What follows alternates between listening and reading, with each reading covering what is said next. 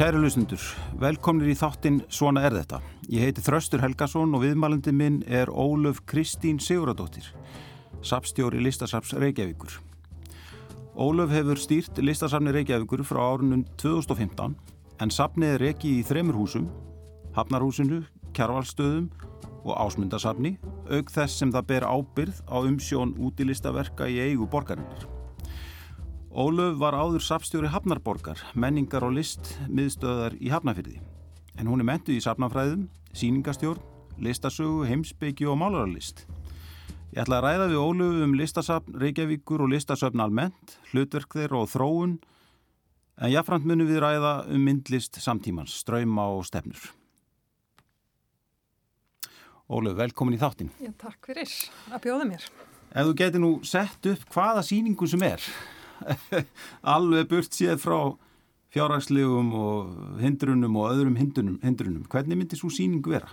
Áttu þér einhverja svona drauma síningu? Mm. Þetta er mjög, já, ég... Eða er allt hægt í, í, í, í þessum heimi? Það er náttúrulega sko allt hægt að því leiti að sko hugmyndir, hugmyndir er alltaf rétt á sér. Já. Svo koma, hérna, svo koma praktísku atriðin og, og svona tóa mannir á jörðina og það er ekki bara fjárhastlega hliðin, það er líka rýmislega hliðin og, og alls konar hliðir og kannski drauma síningin er alltaf svo síning sem á mest erindi við samfélagið hverju sinni. Einmitt. Það, við hljótum alltaf að þurfa að sko hlera samfélagið og velta því fyrir okkur hvað, hvað, hvað er þörf á að segja. Já. Þannig að Í, sko ég hef verið lánsum á þeim tíma sem ég hef starfið í Lissandur Reykjavíkur til dæmis síning sem að mér fannst mikilvæg var hérna síningin Einskismannsland sem að við settum upp 2018 ja. og fjallaðum výðerni Íslands og í mjög svona výðu samhengi og það var að mörguleiti draumasíning en svo er það bara í rauninni hvað hva, hva kallar hver tími á? Já, mannst þetta er einhverju síningu sem þú séð sem hefur haft alveg rosalega mikil áhrif á þig Sko það er, þegar maður vinnir í söfnum, mm. þá er maður stundum á þeim stað að maður bara horfur á merkingar og gólvöfni og lýsingu. Já, þú meinar. en þannig að kannski var ég móttakilegust þegar ég var yngri og í rauninni áður en að, hérna, áður en að þessi svona atrið sem að veita hefur áhrif og upplifun áhörfandans fóru að einhvern veginn svona toga í aðteglina. Og þetta er kannski ígjur að, segja þetta, ég horfur bara á merkingar og ljós. Já en það er hérna sko það er síningar sem ég mann eftir bara því að ég var svona um tvítugt og, og var að fara út í heim og sjá heiminn og hafði sjálf sér e, ekki hugsað mér að fara neitt í, í áttað myndlist eða neinu slíku. Og það var til dæmis síningin Sætgæst sem var í Berlín að ég held 1982 og ég sá þar í Martin Gróbjörns bá alveg við múrin síning sem að á þeim tíma síndi það heitasta í evropsku málverki og mér fannst, sko, það hafi mjög mikil áhrif á mig Akkurat. og líka bara katalókurinn, þetta einhvern veginn allt efni sem fylgd henni og öll umgjörðin og upplifinin það var kannski líka sem sagt, ég sem áhorfandi, ég var mjög móttækileg ég var ung og ég var að leiðum til heiminn og leiðum til lífið. Og hérna ég held að það hafi verið síning sem hafi mikið að áhrifum og líka sá ég þar síningu hérna Jósef Bóis sem er hans líka mjög áhrifða mikil svo hefur maður bara séð svo margt. Já, já, já. Áttuður um, svona eitthvað upp á hans listasafn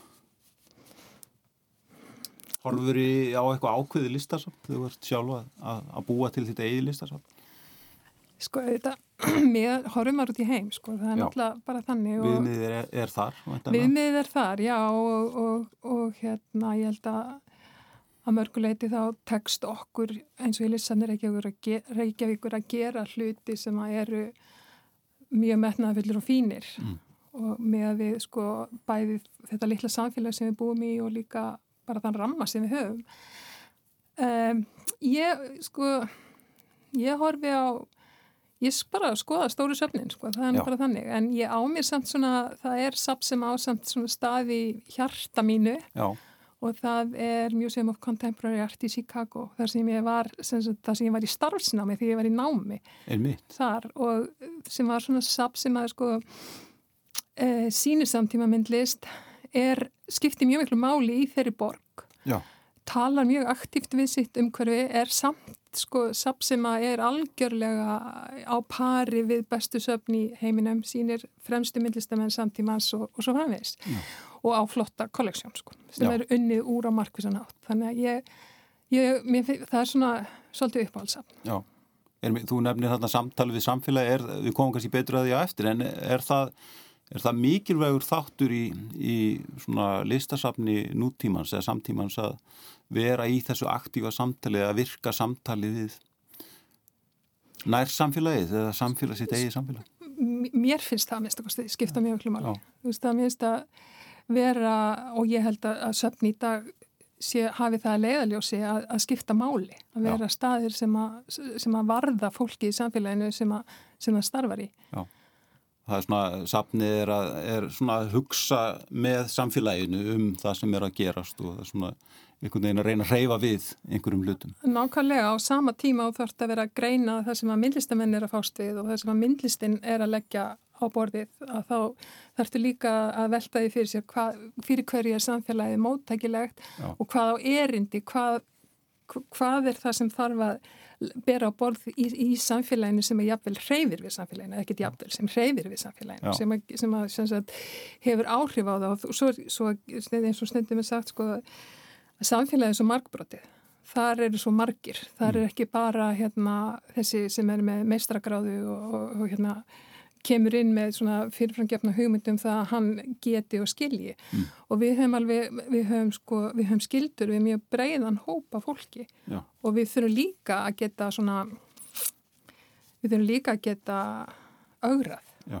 við þurfum líka að vera staður sem að ef við þurfum að vera staður sem að hefur áhrif á það hvernig fólk hugsar Já, ég er við hann upp bara núna áður en við fórum í útsendinguna nokkrar síningar sem að uh, þið hafi staðið að á, á, á síðustu fimm árum í þinni tíð í listsafni Reykjavíkur og eftirminnilega eru þetta bara síningar á þessu ári eins og Sol Levitt og, og Gilbert og George og, og Chromo Sapiens hennar Ramildar Arnardóttur mm. eh, og svo auðvitað Guð hvað mér líður illa Já, Hans Ragnars. Kjartanssonar, Róf Haraldar Jónssonar, Rið Fimboa Péturssonar, síningin hennar Eiborgar, Guðmundsdóttur. Hva, að hvaða síningu ertu stoltust hérna, af því sem þú hefur gert? Má ég spyrja þannig? Nei, þú mátt það ekki. Komdu með aðra spurningu. jú, jú, eh, sko, mér finnst mjög mikilvægt að hafa haft tækifæri til þess að stuðla að því að mikilvægar alþjóðlega síningar kem til Íslands. Já. Mér finnst líka mjög mikilvægt að, sko, og það er svona markmið í raun á hverju ári að það sé lagt á borðið, það sé partur af okkar prógrami sé alþjóðlega mikilvæg síning. Já. Mér fannst þessna sérstaklega gaman að 2017 var okkar alþjóðlega mikilvæga síning, síning á innlendum myndlistamanni Já. sem var Ragnar akkurat. Þannig að það var, sko, það var síning sem var algjörlega á pari við síningar í öllum í alþjóðlegum söfnum en skipti miklu máli hér. Bæði, hér vorum við með lokalhetju en við vorum líka að kynna það sem best er að gerast í, í samtíma listinni alþjóðlega. Já. Þannig að, og þetta með sko alþjóðlegu síningarnar, mér finnst það skipta máli að við sem leiðandi sapn höfum tækifæri til þess að kynna alþjóðlega síningar. Já. Sko, uh, maður hafði á tilfinningunni á tímabili að, að svona mikilvægum eða stórum og metnaðarföllum alþjóðlegum síningum hefði fækkað í íslenskum listasöfnum. Er, er það rétt hjá mér? Eða mér fannst það kannski svona í kringum um og upp úr aldamótonum þá einhvern veginn fækkaði þeim og, en svo hefur þeim kannski fjölga aftur. Sko, Er sérstök áherslu á þetta til Já. dæmis í listam Reykjavíkur eða? Það er, við erum með sérstaklega áherslu á þetta núna, eins og ég segi, Mm. þú veist að geta, að minnst okkur steinu svona ári gert þetta, Mm. þó svo við ætlum ekki að gera þetta næsta ári.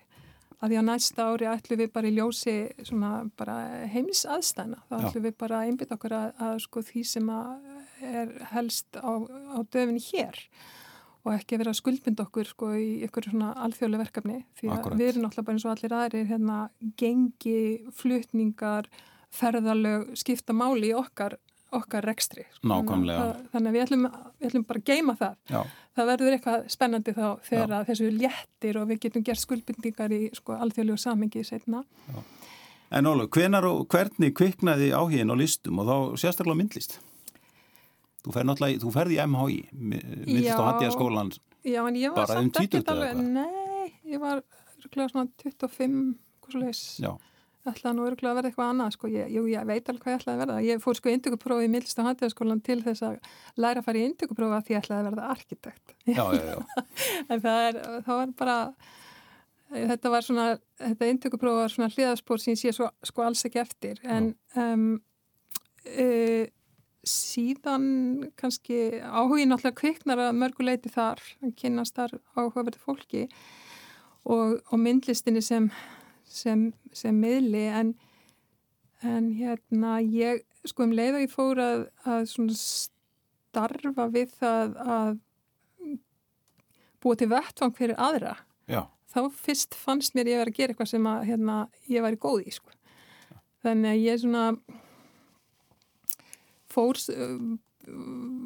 ég er bara svona eitthvað um þrítök sko þegar ég fer bara að, að vinna að verkefnum sem að tengjast því að búa til meðlissýningar og síðan vann ég um tíma menningarmiðstöðinni Gerðbergi þar sem var verið að fást við alla mögulega listgreinar og ég vann Norður Akureyri þar sem líka var verið að fást við alla mögulega listgreinar Já. og svona tímabili var ég svona spá í það en svo, held, svo þegar ég var upp Gerðbergi þá fann ég það alveg að, að sko ég væri best í myndlistinni þannig að ég hérna bara einbeitti mér að því og mér fannst það líka um, mér fannst sem svona skipulegjandi og gerandi ég geta haft áhrif á það að góði hluti, hluti geti gerst og mm -hmm. það er náttúrulega bara starfið fælst í því Já. að hérna, skapa þann vettvanga góði hluti geti gerst Einmitt. Þú fer svo uh, til bandarækjana, til Chicago og, og mentar því í sé, í sapna og síningar stjórnun, ekki rétt? Jú, ég fer sem sagt, ég fór í Ég var, sagt, uh, ég var að vinna við, uh, við Fressutelt Lissasafsreikjagur og, og vann þar í 11 ár og sem var alveg ótrúlega svona massífur tími því að mm. til þess að miðla til annara þarf að kafa svolítið í viðfangsefnið mm.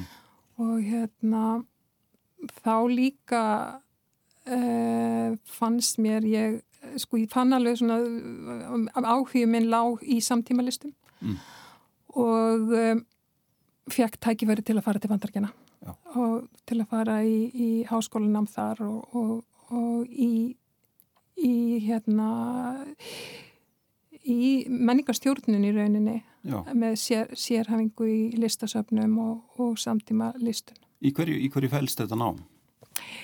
Við vorum að Við vorum í náttúrulega alls konar, við vorum í alls konar ekstri en við mm. vorum líka í sapna sögu Já. Við vorum í samtíma teóriu, við vorum í sko, mjög svona samfélagslega eh, svona greinandi kursum og svo listasögu. Okay. Samtíma og ástæðan fyrir ég valdi þennan stað var svo að þeir voru sterkir í samtíma teóriu. Þannig að, að ég hefði sjálfsög ekki áhugaði að læra sko listasögu sem slika. Þannig að mér langaði meira að einbita mér af því sem að samtíminn var að bjóða upp á. Já. sérstaklega ljósi þess að ég sá fyrir mér að vinna í íslensku samtímilistasamni Já, þannig að þetta er svona einhvers konar sambland af, af svona einhverju rekstri stjórnum og síðan list Já og það er náttúrulega líka sko, veist, þetta er bæði greinand og praktísnám Já. Sem er svona, þá er mjög saffræðilega nálgun við hérna viðfórsefnið þar að segja að þú veist, þú er bæði greinandi en þú er líka með pra praktíska, praktískar útfæslur Einmitt og svo var svona síningastjórnunar vingill í þessu. Emitt. Sko, ofinbæri listarsafn verða til á, á átjándu og nýtjándu öldinu og lúrin og sennilega fyrsta, já, talið fyrsta safnið af þessu tægi, stopnað og opnað fyrir almenningi 1893 og svo er þetta Metropolitan og Prato og, og Hermitage í, í Santi Petersborg og, og fleiri stór söfn sem verða til hérna á 19. öld Og þessi söfn byggja á þessari grundallar hugmynd að veita almenningi aðgang að list, bæði þá sögulegri og, og samtímalegri, eldri list og nýri. Eh, en áður hafði þessi áður en þessi söfn verða til Lúfur og önnur þá hafði listin engum verið aðgengilegi eða verið í engasöfnum konga og drottninga og, og, og annara sem búa við mikið ríkidæmi og þetta er svona megin hugmyndin að baki ombara safna ekki satt ennþá í raun og veru að veita almenningi aðgang að listinni Jú, í grunninn sko mm. en það náttúrulega hefur margt breyst á þessum árum og mm. samfélagsgerðin náttúrulega sérstaklega um, þarna við erum að tala um í upphafi það er sem sagt að vera hérna, það er verið að kúlti vera borgaran mm. um, síðan veist, og það er í raunin líka verið að sína sko, menningarsöguna það er ekki mikið verið að sína eða það er bara ekki verið að sína verk eftir lifandi listamenn Já. og um, þannig að það er verið að veita borgarastjéttinni aðgang að þessum, þessum þessari auðlegð, í rauninni mm. menningarlegu auðlegð sem að aðallin hafi sapnaði sér Eh, svo náttúrulega í tímans rást þá breytir samfélagið og, og söfnin fylgja sem betur fyrir með mm. og það gerist mjög margt svona upp úr 68 þegar að í rauninni svona eh, helstu, helstu áherslur í söfnum voru í þá átt að sko lækka þröskuldin eins og talaður um. Það er að segja sem sagt að, að veita fleirum aðgang mm. og þetta sé ekki bara vettvangu fyrir svona svona velmeigandi borgara sem að vilja upplifa sjálfa sig í jákvæði ljósi mm. heldur sé safnið vettvangur fyrir fjölbreyttan hóp fólks Já. og það hefur verið áskorun fyrir safn í, í heiminum bara síðan að, að ná til uh, ólíkra hópa en svo líka annað sem er svona grundvallaratrið sem hefur breyst í, í söfnum, listasöfnum mm. og það er að sko hérna þannig upphafið þegar vorum að tala um að taka við sko listaverkum eftir látna listamenn Já. sem þegar voru orðnir sko orðnar hetjur Já.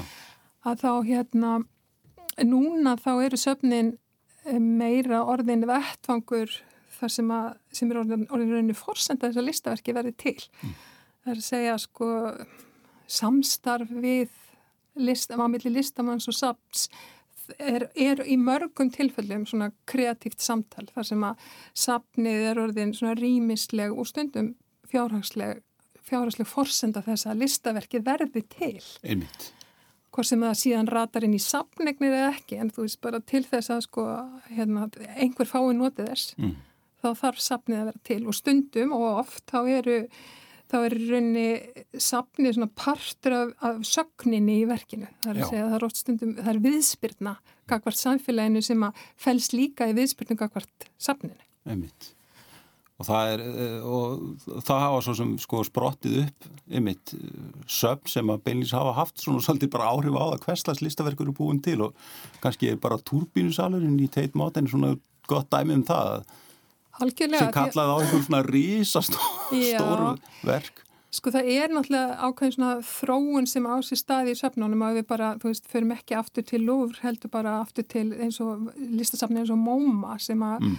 sem að sko þessi hugmyndin um hvita ferningin, White Cube, hérna Já. hugmyndin er í rauninni það svona sem að, sem að leiðir menn áfram þar sem að í upphafið þar sem að sko listaverki þarf að eiga sér hlutlu strími þar sem að hérna, hugmynd listaverksins að því hún hverfist um sjálfa sig í rauninni sko þarf að, þarf að njóta sín.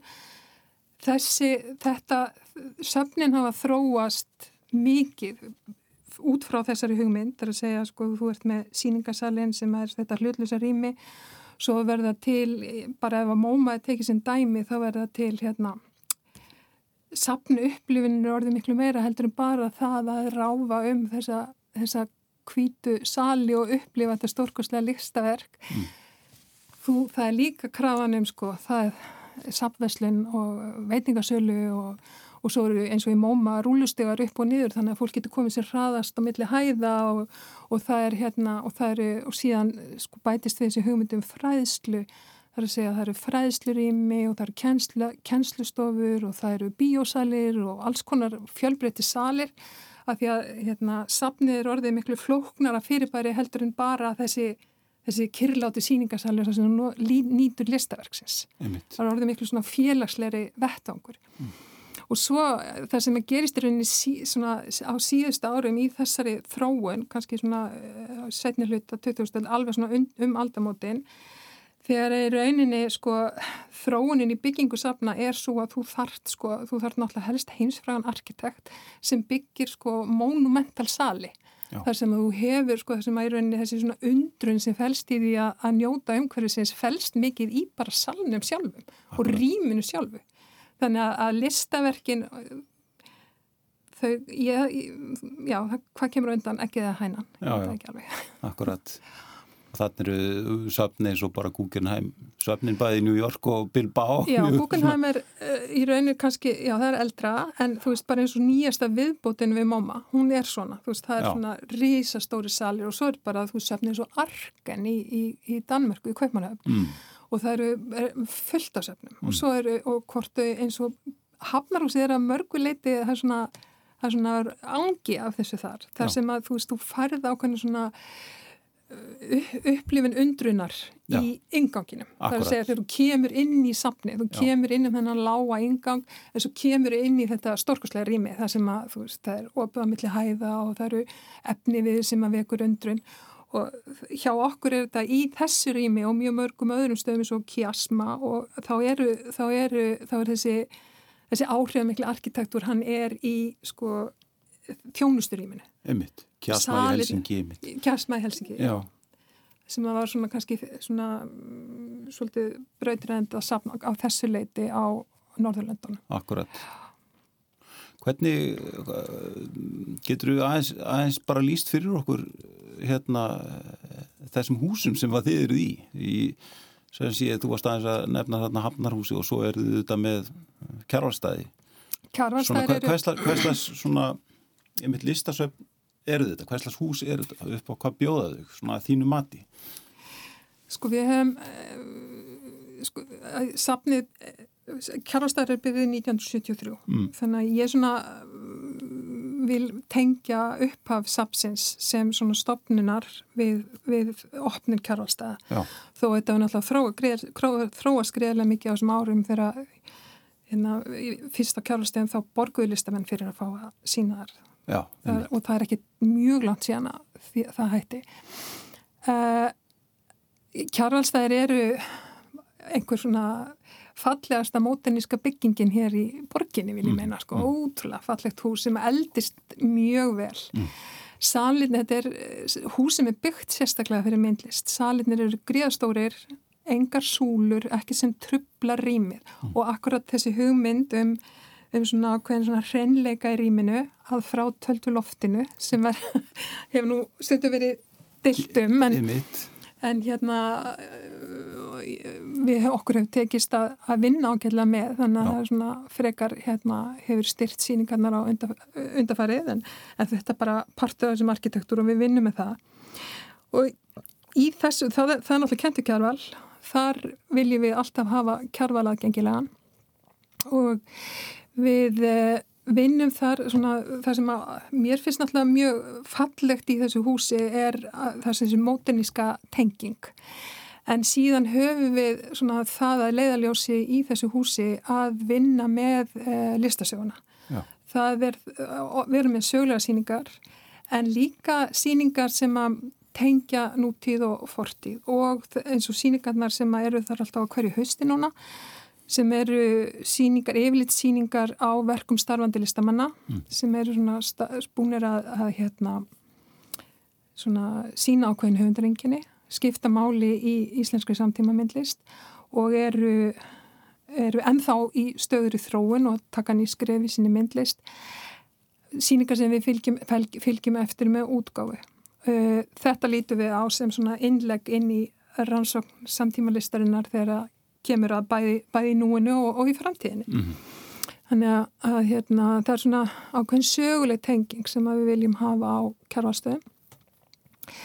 Svo er ásmundarsafn sem er náttúrulega bara gríðalega falleg bygging og, og svona listaverk, húsi sjálf mm. listaverk sem stendur í lögadalunum og, og hérna þar e, eru við ætti með aðgengileg verk ásmundarsafnsonar Þar höfum við líka, þar höfum við lagt mjög sterka áherslu á það að viðhalda samtali ásmundar við samtíman og sínt markvist samtímalistamenn í samtali við annarkort efni við uh, form, form eða sagt, uh, efni við uh, umfjöllunarefni eða formlista ásmundar Sveinsonar og við munum halda því áfram á næsta ári og kannski allt til að nefna það og kjárvalstöðum munum við líka vera með síningu þar sem við sínum kjárval í samhengi lista, listamanna samtímas mm.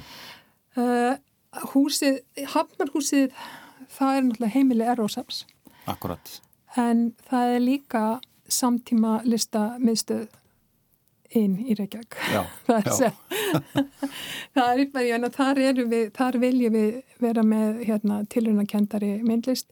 Að sjálfsögðu hérna, kingum við líka kollið til þeirra sem hefðu áhrif á það hvernig samtímalistin hefur þróast og uh, þar sem að við teljum mikilvægt að þar er, þar er eró alltaf aðgengilegur en þar er líka þar eru líka DSL-programmið okkar sem við sínum unga myndlistamenn og síðan uh, eh, tilrunakendari síningar. Ég meint. Hérna, uh, sko, við erum með listasafn Reykjavíkur og svo erum við listasafn Íslands. Hver er svona hver er munurinn á borgarlistasafni og ríkislistasafni og, og sko eru þessi söp til dæmis með skýra verkaskiptingu? Sko það er eh, listasafn Reykjavíkur, við hefum það hlutverk að halda utan listaverka Reykjavíkuborgar mm. Og Reykjavíkuborg uh, eignast listaverk eftir ýmsum leiðum framann af hérna síðust öld, eða þú veist á síðust öld og það er ekki fyrir svona sent á setni, á setnum part aldarinnar sem að verður til svona einhver markvis söpnun og, og það eru að, hérna, markvis aðfeng og, og það er svona faglegt utanumhald utanum það að sapna verkum. Uh, okkar, okkar hlutverki skilgreint í samþjóttum um lífsafleikjagur mm. þar sem okkur ber að, að hérna, endur spekla það sem að best gerist í, í þá er ég að tala um okkar safning sko, og, og í síningahaldi það sem best gerist í í íslenskri og alþjóðlegri myndlist mm. reyndar sagt, ekki í, í söfnuninni hvað var þar sagt, alþjóðlega myndlist heldur, heldur í síningarstefnunni um, Listasafn Íslands um það gildi ákveðin lög og uh, það, er, mena, það er í eiguríkisins það hefur það hlutverk að endur spekla íslenska listasögu í allir í sinni sagt, bara frá upphafi vega já, já. en uh, við höfum, við einbyttum okkur að samtímanum og svona setni hluta, hluta 20. aldar mm. og svo þessum þremur einstaklingum sem við eigum svona stórar sapningnir að mm. þannig að það er nokkuð sko svona, svona skilgreint þetta nokkuð skýrt sko. Já. en svo er það bara svona, svo er nú kannski ekkit rosalega mikill munur þegar kemur að, hérna, að, að því sem að, að gestinu snýr sko, Nei, þú veist, að síningunum og, og hvort að hérna, það sé svo augljóst að ekkur síning sé Lissabnislas eða hvort hún sé í Lissandilegjagur það eru í, í, í já Mætti vera meiri, meiri svona munur þarna á eða svona skýrar í verkarskiptingu eða Sko við erum náttúrulega eh, Er samtala mittlika til dæmis? Eða? Já, að mörguleiti sko en, en til dæmis þá sem að ég meina, já, já við vorum með síningu á áskilði búadóttur fyrir þess ári og það var verkefni sem við höfum verið með svona á bakveirunni að því að við erum svona reglulega að setja upp enga síningar á verkum íslenska listakvenna frá 20. stöld og kjárhástöðum mm og viljum gætnan halda því áfram að leggja þeirra æfistarf á borðið mm. til skoðunar og svo hérna, en listasafni Íslands var aftur á mótu með síningu á um, sem sagt veflist og, og já, á veflist til, til samtímans mm. það er að segja áskil búið þetta sem útgangspunktur og svo samtíma list Já. og svona margir sko og ég er, ég skilur þetta er ekkert ég er ekkert að segja að það sé einhverjum að kenna en margir hefur kannski snúið þessu við já. að, veist, að svona var þetta bara og kannski, kannski þurft þetta að vera eitthvað, eitthvað skýrara en, en við erum líka náttúrulega það eru allir að hlusta, það eru allir að hérna leggja eirað við og, og, og hafa áhugaði að sína það sem að hérna, við teljum að, að sko sé þörf fyrir að segja eins og varum að tala um á það sko. en og þá kannski heyru við svipaða hluti Já, já, einmitt Þú nefndir aðeins hérna áðan svona uh, samtal uh, listasapsins við, við listamenn mm -hmm. uh, og svona hvern, hvernig er því háttað? Hef, hefur listasapsin til dæmis frumkvæði í því eða og hvernig þá? Sko það er náttúrulega sko alla síningar sem við höldum eru bóðsíningar. Það er að segja við bjóðum listamennu til samstarfs við okkur mm -hmm. og það er náttúrulega það líkur svolítið í því að, að sko mitt starf er tímabundi starf. Ég mm. er ráðin til fimm ára með möguleika á fimm ára endurráðningu af því að þetta starf hefur ónýttarlega áhrif á þetta starf, það ger krafa um sín, Já. það ger krafa um ákveð val, þannig að það er svona, það er eðlilegt að þessi, þessi tímamörk. Sapnið hefur mjög yfirleitt alltaf frumkvæði að, að samtali við listamenn en hins vegar þá tökum við allavega hjá okkur þá tökum við alltaf mjög vel við kynningum frá listamennum eða svona, svona því þeirra listamenn er að kynna fyrir okkur hugmyndir sem þeir eru að vinna með hverju sinni og, og svona, svona skinja það sjálfur að þeir séu á einhvern stað þar sem að hérna, þeir séu með eitthvað efni sem að hugsanlega við hefum áhuga á að, að vinna með þeim áfram sko. mm. þannig að það er alveg, en þetta samtali er náttúrulega, það er ákveðin áskorun. Já. Það er áskorun að því að sko, það, íslensk myndlist er á mjög góðum stað mm. og það væri, sko, það er svo auðvelt að reyka gott listasafn í það sem er góður jarðvegur. Já. En það er miklu meira sagt sko nei við hugmyndum um samstarf heldur en já sem er náttúrulega bara í hlutan, likur í hlutanins eðli. Já, akkurat. Það þarf að, hérna, það þarf að ganga til mósvið þetta samtal af fullri trú á því að verkefnið eigi erindi og það eru svo mörg erindi eða það er svo, svo margar humdir sem eru kvattar á þess að verða að síningu sem að, að ættu líka alveg erindi. Sko. Þetta er bara spurningum líka að setja saman, sko við erum oft sko setja saman líka dagskrafsapsins að hún sé fjölbreytt þannig að hún eigi erindi við marga. Við setjum, eins og þú, þú vitnaði ráðan í Chromo Sapiens síningunennar Shoplifter sem var í byrjun þess ár sem hann fekk gríðarlega goða sókn. Mm -hmm. Svo setjum við líka, líka upp síningar sem að fá mjög litla aðsókn. Mm. Jafnveg litla aðtegli nema í mjög þröngum hóp en eru líka mjög mikilvægur. Já. Mikilvægt að séu settar upp mm. og séu gerðar að þessu tilraun sem að líkur á baku þá síningu og hún nái fram að ganga og nái inn í rýmið og sé einhvern veginn hluti af sögunni. Mm. Þannig að það er ekki, það, það þarf að vera ákveð svona jafnvægi í þessu. Mm. Hvað, getur þú orðað svona einhverja fagfræði sem þú viðinur út frá eða eitthvað áhuga svið þitt innan samtíma myndlistar sem að, sem að hérna, þú leggur sérstaklega áherslu á? Það komur svona Obama þögn, núna að þetta. Um, ég, uh, nei, sjálfsvegar ekki, sko. Ég, þú veist, það er mjög margt í gangi mm. og það er mjög, um, sko, mér, mér finnst alltaf, um, ég er alltaf spennt fyrir því þegar myndlist fjallar um einhvað sem nær út fyrir myndlistin sjálfa. Já.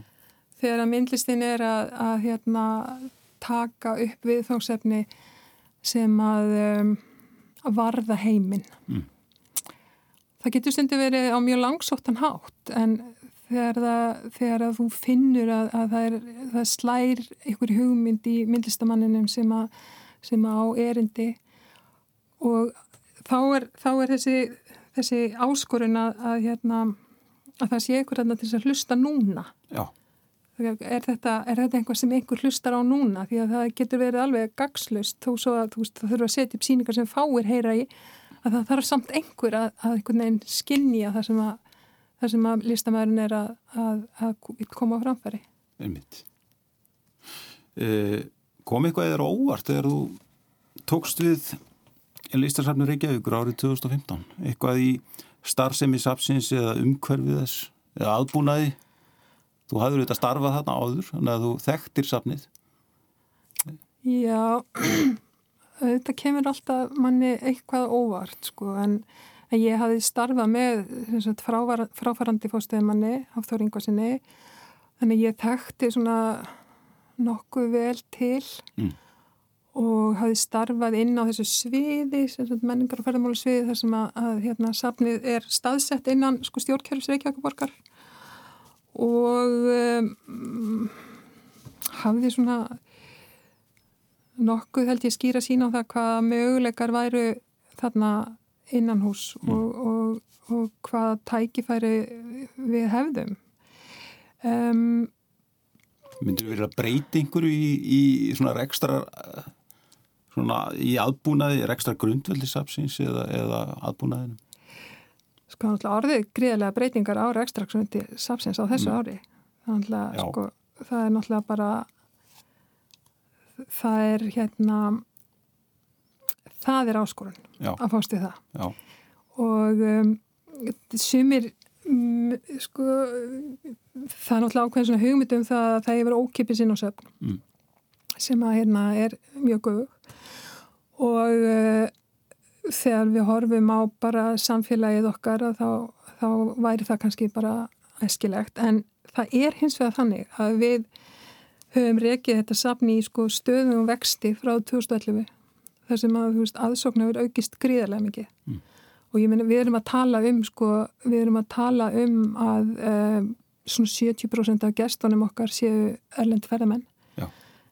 þeir greiða fyrir sín aðgang þeir greiða ekki útsvarir ekki auk en þeir greiða fyrir sín aðgang og þetta, þessi aðgangur hefur, þessi aðgangseirir og þau viðskiptin sem þetta fólk hefur átt við safnið hefur skapað safninu greiðli tækifæri Já. og við hefum geta gert síningar og geta unnið að, að hérna, verkefnum sem við annars hefum ekki geta gert nema náttúrulega tilkæmi aukið fyrir frá skattgreindum í Reykjavík mm.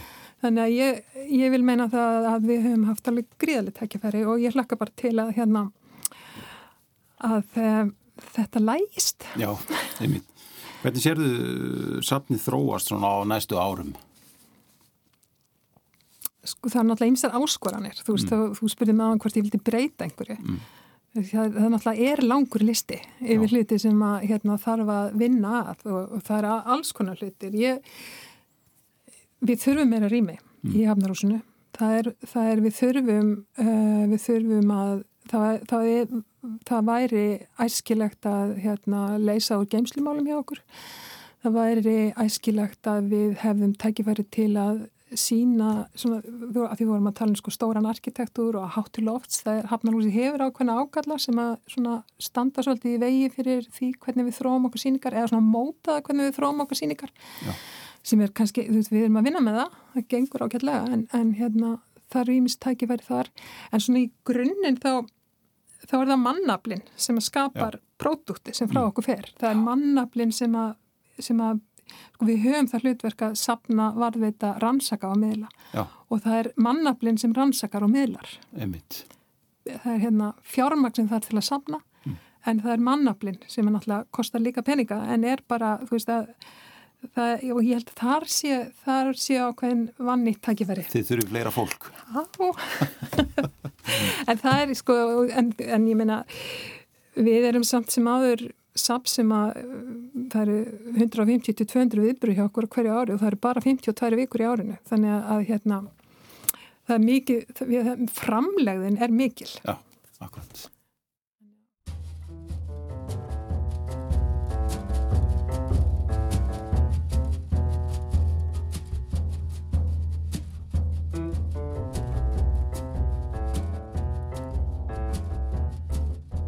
Kæri lusnundur, ég heiti Þraustur Helgarsson og þið eru að hlusta á þáttinn Svona er þetta. Gæstu minna þessu sinni er Óluf Kristín Siguradóttir, sapstjóri Listasaps Reykjavíkur. Í þessum þáttum hefur verið rætt við forðnilegt fólk úr ímsum kimum samfélagsins um reynslu þess og viðhorf. Bergljót Sofía Kristjánsdóttir, profesor í íslenskum bókmyndu við Háskóla Íslands, rættu um bókmyndakennslu, þróum bókmyndafræði og íslenskar bókmyndur á 2001. öld. Hægt er að hlusta á Svona er þetta í spilara rúf og í öllum helstu hlaðars veitum. Ég hef mjög lengi viljað skrifa um raunsægi og kannski mm. kem ég því verka og ég rekk upp af mm -hmm. af því ég held að við höfum notað það hugtak mjög ránt. Já. Ég held að, að rönnsægi uh, sem ekki tekur mið af, af uh, fantasíu, draumi, óskum, mm. uh, þrám, öllu milli heimsverðar, það er ekki rönnsægi, það er eitthvað allt annað, það er upplýsing kannski. Símón, ég held að það veri Símón Jóhann sem kallaði hérna það sem sumir vilja kalla nýja rönnsægið á, á 8. áratunum sem kallaði upplýsinguna hinn og nýja. Já.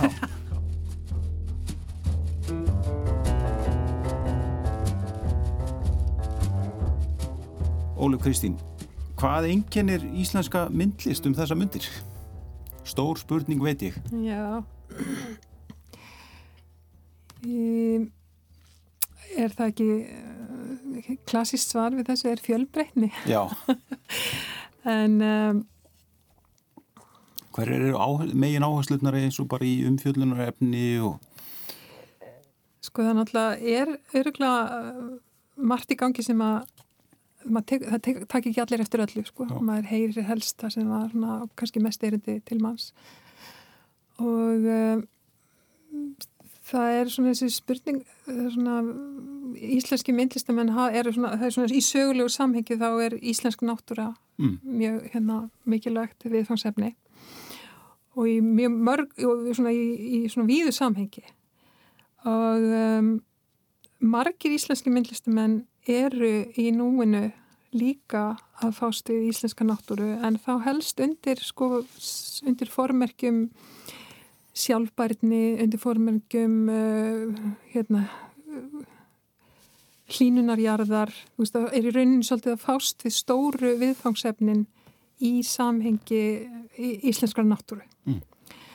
uh, síðan er náttúrulega þessi hugmyndum bara listina sjálfa að, að fást við listina sjálfa. Einmitt og, og svona erindi hennar og, og form og byrtingu veist, þannig að, að, að það er náttúrulega líka um, mjög svona mikilvægt viðfámsefnið sem að tengis bara allir í hugmyndafræði samtímans, veist það er bara í raunin að vera svolítið í takt við hugmyndafræði samtímans og stundum er sagt að, að myndlistin sé að mörguleiti myndlistin á 2001. öll sé afskaplega opið fyrirbæri því að myndlistamenn hafa og, og svona þessi svona myndlistar heimur hann hefur teikt sig langt út fyrir þessi svona hefðbundni mörg og tekur inn hugmyndafræði og tekur inn aðferðafræði úr vísindum eða, eða hérna hvort það er svona hugvísindi eða raunvísindi mm. og, og gera sínum og í rauninni byrtir um, uh, svona rannsóknir og kannanir og það er svona margi sem að þessi, þessi, þessi hérna, orðræða um rannsókn að myndlistin sé einhvers konar rannsókn hún er svona ríkjandi þú, er, þú, þú ert að lesa myndlistasýningar þá ert að lesa um það að myndlistin var að rannsaka eitthvað sko, og byrti síðan niðurstöðu sína í, hérna, í uh, formi listaverks. Já. og uh, þá er svo rannsókn oft uh, tengd listinni sjálfri eða einhverju samfélagslegum fyrirbærum sem að tengjast þá öðrum vísindagreinum eða, eða sagt, greinum hugvísinda eða rauninsinda. Akkurat. Þannig að það er oft svona... Þetta tengis kannski svolítið því að, að, að um, listirnar og myndlistin kannski sérstaklega alltaf verða svona sérhæðar og sérhæðara svið og það kannski tengis svo aftur því að þetta að flestir svona listamenn eh, nú til dags eða þeir sem eru miskust að svona yngri að hafa svona sér sótt ment, mentas í listum í, í háskólum og, Já, já og, mjög, og, mjög, og, og það er kannski líka ákveðin svona fjölbreytni í, í íslenskri myndlist sem að kemur í gegnum það að íslenski myndlistamenn fara yfirleitt í fram, eða mjög margi fara, fara utan í framhalsnám þannig að fólk kemur með áhrif víða að En það er líka sko þessi samrunni, að þú veist þar er sem sagt hvað engjandi, það er líka samrunni listgreina. Það er mm. að segja að myndlistin tegir sig yfir í sviðslistinnar, hérna, yfir í dans og, og tón, tónlist og þannig að það er svona ákveðin samrunni listgreina sem að, sem að engjannir samtíman og gerir í rauninni svona starfsemi eins og listasafni að mörguleiti að mjög spennandi stað. Af því að ég, sko, við, við höfum í sjálf og sér sko listasöfnum það meira svigurum heldur en kannski að segja sem sem eru bundnar í formi. Já. okkar form er miklu opnara og við höfum alveg orðið vörð við þennan áhuga á síðust árum. Það er að segja mikinn áhuga frá sviðslistafólki til að koma til samstarfs og við hefum reyndað svona einhvern veginn tegi okkur í þessar áttir. Mættum mörgulega gera meira því sko en, en er, þetta er svona og svo bara líka eins og kvikmyndalistin og, og myndlistin þessar, hvernig þessar greinar líka mætast. Akkurat. og myndlistamenn þurfa ofta ég meina þeir, þeir eru með hugmyndir sem þeir hafa ekki nættilega einhverjum svona sérstakar sérþekking og að framkvæma held þannig að vinna með mjög fjölbreytum og bara við tölum um að því vorum að tala um síningu Ragnars Kjartanssonar aðan þar sem að verkið hans heimsljós sem er í rauninni það, það bara að framkvæma verkið er verk út af fyrir sig Akkurat. sem er eins og einhvers konar sviðslist, þáttökuverk með fullt af, fullt af listamennum og þetta verður að kvikuminn sem síðan er síndi, síndi í síningasölum sapsins en það eru söfnin og það eru sko myndlistastofnarinn sem hafa svigurum til þess að taka einn svona verkefni. Akkurat. Hérna 2000-aldin var náttúrulega svona gríðarlega hérna svona viðburðar íkásviði lista held ég að sé óhætt að segja fram úr stefna og mótenismi voru einkennandi eins og líka svona gríðarlega sterk raunsæði spilgja sem gekk í gegnum alla öldin og er í raun og veru en, ennþá. Uh, uh, sko tilfinningin er kannski svo að, að svona fyrstu tveir áratíði þessar aldra hafi verið eins konar svona úrvinnslu tími uh, ertu, ertu samála því? Svona sé verið að vinna úr svona öllu því sem að hérna 20. aldin skilaði af sér þannig að kannski þannig að aldamótin enginnast á svona endurliti já uh, ég veit ekki ég held að það sé frekar kannski að uh, það sem að enginni núna þess að upp á 21. öldurinnar það er þetta, þetta nýðurbrot á landamærum á milli greina Já. þar sem að þeir verða að taka nýskref mm. í áttina að því að þú veist að vinna með hugmyndir í samhengi hérna í fjölbreyttu samhengi. Mm -hmm. en auðvitað náttúrulega lít, lítum við tilbaka. Auðvitað hérna auðvitað mótar fortíðin það sem fólk er að, sem fólk er að fást í samtímanum. Já. Svo er þetta náttúrulega, þetta hefur verið svolítið hérna, það verður svona efnahagslegt hrun hann í kringu 2008 og svo er núna spurning veist hvaða áhrif hefur þessi hugmynd, hvaða áhrif hefur þessi faraldur Já. á það sem að, það sem að hérna á, úr, á, á hugmyndir, Já. hvernig við erum að vinna með því hérna engarými, ofinbertrými, frelsi og, og þessar svona hugmyndir sem að engina okkur sem manneskjur eða þú veist það, hvernig við liðum í samfélaginu Sérðu fyrir þér að, að, að COVID-i eftir að skila sér inn í, inn í listasafnið eh, með einhverjum hætti svona næstu mánuðum í einhverjum síningum? Ég veit ekki með næstu mánuði en það hlýtur að, hlýt, það, þetta hlýtur að skila sér einhverju leiti í svona hugmynda, hugmyndasöguna. Það hlýtur að vera að, sko, ég menna það, það er bara núna, þá eru menna að velta upp svona hugmyndum um, um einmitt frelsið. Já og þú veist hvernig, hva, hvað við látum yfir okkur ganga á einhverjum tímum sem eru, sem eru skilgrendir sem, sem yktir. Já, akkurat. Tíminni því miður hlaupin frá okkur Óluf, það var mjög gaman að fá því þáttinn. Takk fyrir komina Takk fyrir mig. Og gangiði vel að þróa áfram þetta mikilvæga safn sem þú stýrir. Takk fyrir. Kæru lusendur, við verðum hér aftur að viku liðinni. Góða stundir